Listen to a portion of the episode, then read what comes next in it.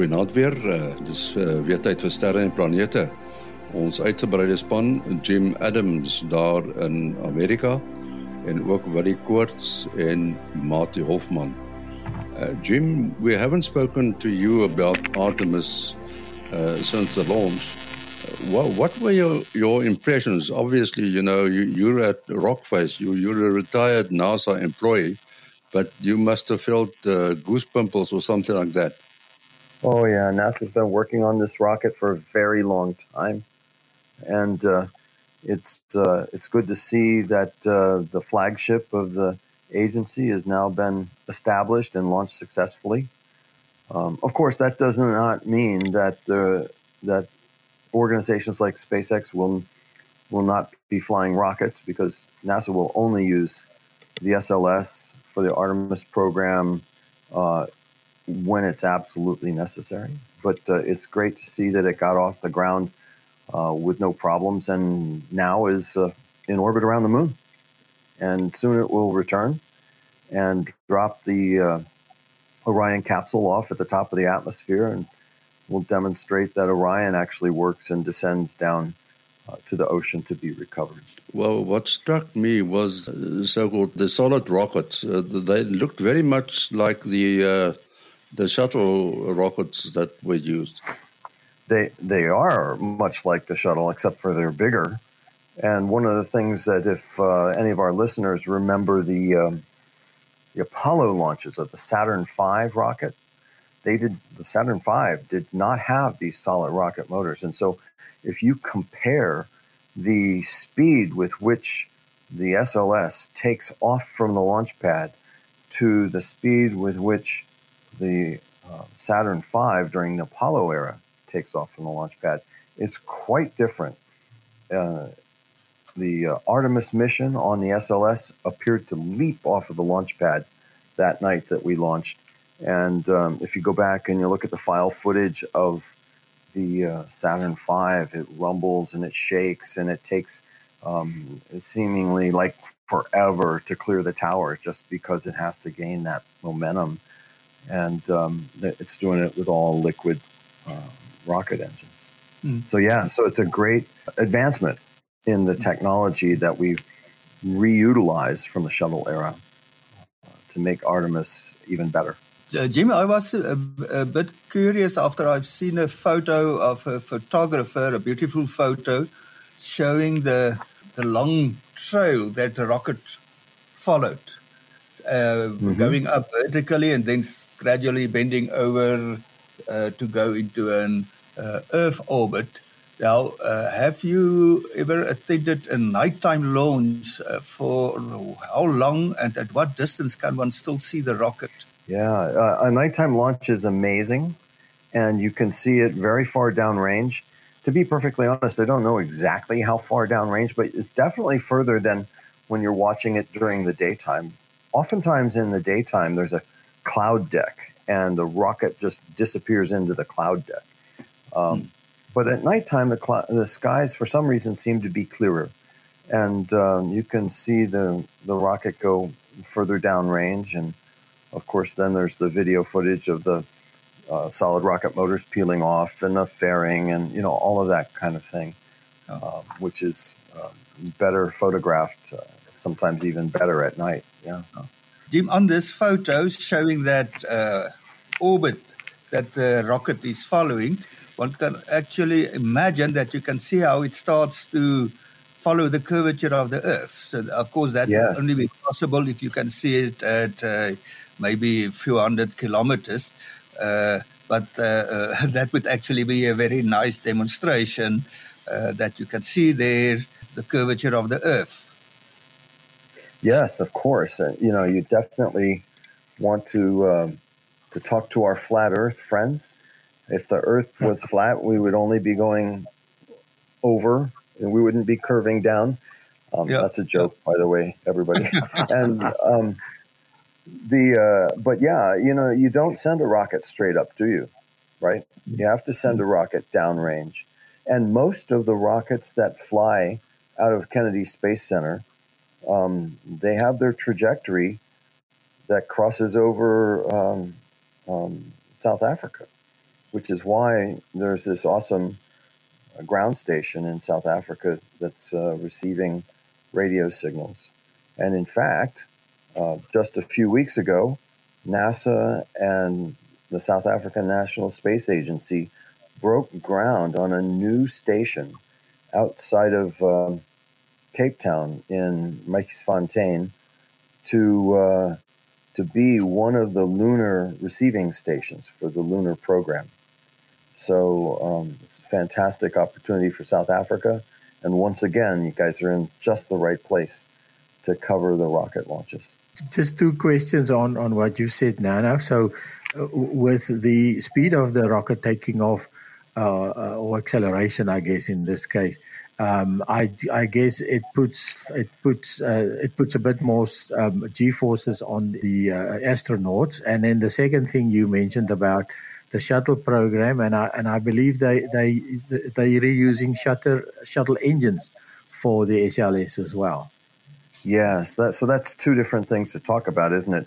So um, understanding uh, the impact of not only the launch but the trajectory and the orbit at the moon and the return trajectory and then the deorbiting and landing of the Orion capsule is one of the pro- uh, all of that on the astronauts is one of the primary missions of the Artemis 1 mission. And in fact, there are two mannequins on board the Orion capsule that are instrumented so that we can begin to understand the pressure and the g forces that are um, that the astronauts will experience as uh, as we you know move forward and put human beings on board these missions. And you do make a really good point that you know the space shuttle was a reusable space plane and carried with it each mission carried with it three of the most efficient rocket engines ever built, ever designed and um, there was a fleet of these rocket engines. I'm thinking, I'm remembering something like 24, so two dozen of these engines that were constantly being removed from the space shuttle once it landed, refurbished, and then put back into a space shuttle uh, for the next flight. And so, what the SLS does is utilize, I believe it's four of those engines. Yes. Um, from the from the uh, the fleet of engines that remain from the space shuttle. Well, that's interesting because it's got a you know, we've got a limited fleet of those engines because NASA is not returning the first stage of the SLS um, back to the ground, but rather it's Apollo style. It will drop into the ocean, and those engines will not be recovered. Um, but importantly, NASA has recognized that they're going to run out of them eventually, and so there's a second generation engine um, effort, technology effort, um, ongoing even right now. Right. Uh, let's talk about uh, another subject our uh, star, the sun. There's a project yeah. called Solaris. Uh, tell us more about that. Yeah. All right. So, one of the things everybody needs to know is I'm not a huge fan of this sort of mission. And uh, let me tell you what Solaris is about. Uh, Solaris is the, the effort that the European Space Agency is considering in partnership with um, the commercial enterprise to create solar collectors in space, turn that solar electricity that it gets, turn that solar power into electricity and beam it down to Earth to a collector on Earth and then distribute it as if it was a power station. And um, it's a it's a monumental project in terms of vision, but at the moment, um, all that has been done is um, sort of a cost benefit analysis. You might call that a sort of a phase zero study. But later this month, uh, the European Space Agency intends to let out um, requests for tenders on um, the next phase, like defining what the mission would look like, uh, what sort of technology needs to be developed, because there's going to be a lot of it, uh, and um, and to see how um, they can move forward. Also, to try and attract uh, international investment and partnership as well. Um, technologically, uh, there's a lot of problems with that, and that's pro- that's primarily why I'm not a big fan of it. So we can talk more, but I'll pause there and let you guys ask questions. Mm. Yeah, uh, just a comment on the on the idea of wireless power transmission. I think the original visionary in this regard was Nikola Tesla. Yes. And, uh, just after the turn of uh, of the century, 1900, uh, early in the 1900s, he built a tower, the Tesla Tower, and uh, he uh, transmitted around 300 kilowatts in all directions. So he was very ambitious to do this uh, wireless power transmission, but not in a directional way, in omnidirectional. And uh, he didn't use the newest theories. And the idea was that, well, in any direction, someone could just somehow pick it up. But one can can think that the, the power is uh, diluted as it spreads out. So you can imagine, well, it's easy. We, we all the time we use power transmitted, but on the, the milliwatt scale, not at the scale that we use, need for electricity. But uh, you mentioned the commercial partners that are looking for. Uh, now, that's, it's interesting. There is uh, one of the leaders apparently in this field of wireless power transmission is a, a New Zealand company, Emrod, and they had a, a technology demonstration with the, with ESA and Airbus uh, uh, relatively recently. Uh, but they they transmitted uh, over well in the air uh, Airbus factory over 56 meters just to show that they can do it. There has been examples where people beamed energy up to to power drones and things like that. Uh, but that's also my concern. If you really want uh, the type of power. I mean, we speak about megawatts. It's an enormous uh, enterprise. I don't know what the risk will be if people are careful or frightened for cell phone towers. Well, now you can imagine that you have to get uh, high power radiation from space. It will, will probably be in the uh, microwave band. Um, I'm not sure whether there uh, there will be a lot of solar panels uh, that may somehow reflect light to Earth. So there can be a lot of different problems, but they, they appear to be very much enthusiastic and serious about that. And part of the driving force is to to cut down on carbon emissions. So one can understand that. Uh, but I share Jim's concerns. Uh, maybe I don't know enough uh, of how it can possibly be done in a safe way, not interfering on a large scale with astronomy and other technologies and other satellites that need to be in orbits. So let's just let's just go over the numbers then for a moment. These would be solar farms that would be parked at geostationary orbit, so that they're they're hovering over the same ground station constantly um, and beaming their power down. And if we go back to fundamental physics, the uh, solar constant, that is the power impinging on the Earth from the sun, is 1380 watts per square meter. So uh, that gives you a sense of, of beginning of how much power is available.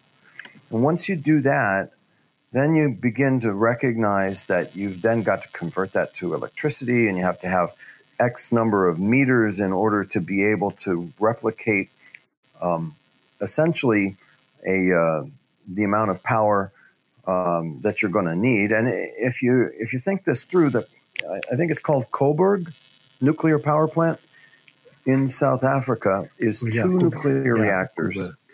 Yes, each one is about nine hundred um, megawatts, so almost a gigawatt, and um, that is just about what a system of this size would create. The, the, I you know did a little research on the European Space Agency website, and they're looking for something like 800 terawatt hours over the course of a year. And then you do the math, and it, it comes down to about 90 gigawatts, which is you know still pretty generous. Um, and then you look at um, you look at the solar radiance, and you do the math, and uh, you're going to need something like 66,000, no, 66 million square meters of solar array. Oh. Um, and that's assuming 100% efficiency. So then, what is that? That's like 35,000 cricket grounds orbiting in space. Um, you, you, know, it, it starts to just sound incredible if you, uh, if you begin to understand. And then, if you assume that the efficiency of converting that solar power into electricity and then beaming it to Earth and then uh, converting it back from radio waves to electricity is uh, is one percent. Say you can do it in one percent, then what you would end up with is about a 900 megawatt uh, power system, which is just about what one of the reactors is at. Uh, I'm sorry if I get it wrong. Is it uh, Koeberg? Um, yeah, Koeberg. Yeah. Koeberg. Yeah. Koeberg. Yeah. So I mean, they've got the they've got the size of the system in terms of the power output just about right, but it uh, just the incredible size of the solar collecting farm um, feels to me like it's uh, it's going to need a few um, phases of growth. And the first one would be a study, which is what the European Space Agency is going after and then they, I, I would expect that they would do some demonstrations. Uh, I don't think Nikolai Tesla was wrong. I just don't think he imagined that it would be uh, that the needs of the nation for electric transmission would ever get as high as it is. Something that one understands uh, the idea that it would uh, enable using electricity at given loca- solar energy at given locations, even if it's dark, because up there in the geostationary orbit, the, the solar panels can always have uh, sunlight. Uh, but uh, I've read recently about a project that's actually going to happen. Uh, is for an enormous solar farm in Australia, and then they take the energy to Singapore underneath the sea with cables. So there mm-hmm. are other ways to uh, transport solar energy over long distances using more conventional technology and solving some of the limitations of solar energy because it is varies over a day and is dependent on on weather and so on. I mean, there are vast areas on Earth where the cloud cover is um, uh, is limited and uh, which is spread out all around the Earth, uh, where which is very suitable for using solar energy. I mean, in South Africa, we have the vast open lands. Okay, they are farms, that's true, but uh, where there's a lot of sunshine in the uh, the northern Cape, and you have the Sahara Desert, and you have uh, de- deserts in South America and in America. Maybe not that much in Europe, but uh, in North Africa, I mean, it's not too far from Europe. The, the enormous cost that will be involved I mean, to construct, to, to, to, to launch each component uh, into the geostationary orbit and, and uh, assemble it there. Just think about what it uh, took to build uh, the International Space Station, which only covers uh, uh, about one football field of area, part of yeah. the panels.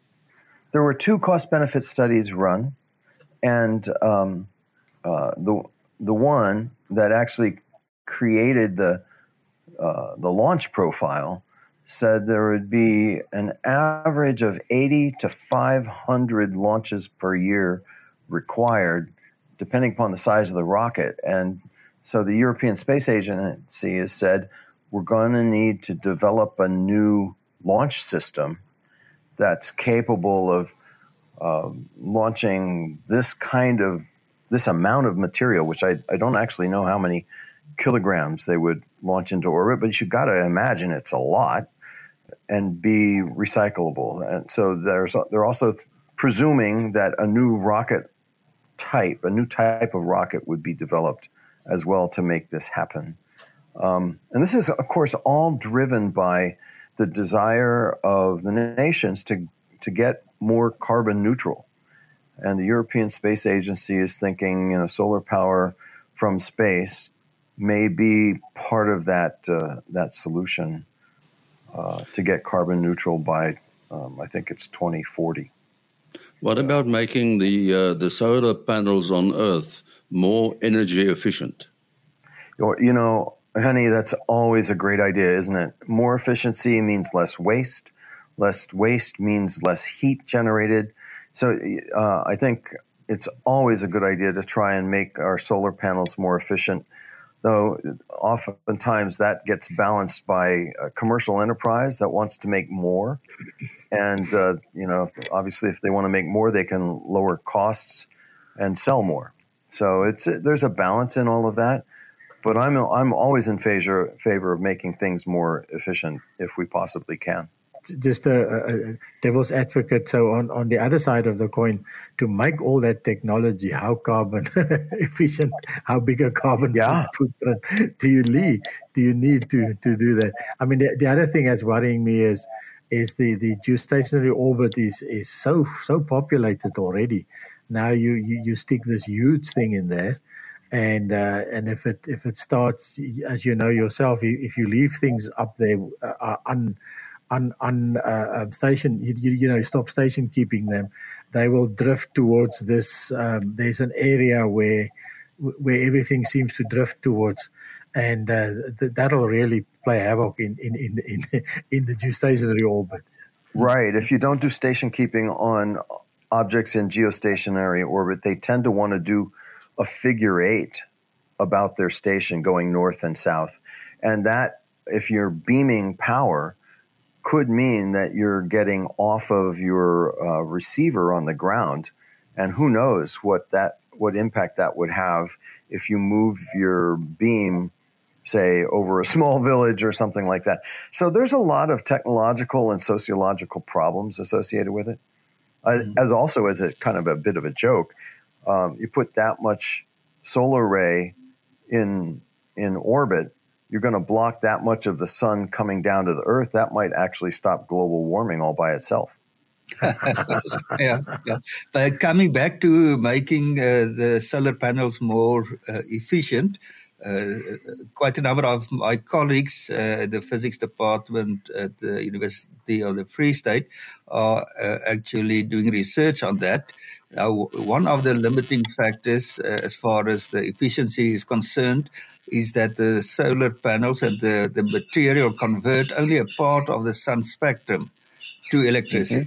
Mm-hmm. Part of that spectrum cannot be uh, effectively converted into electricity.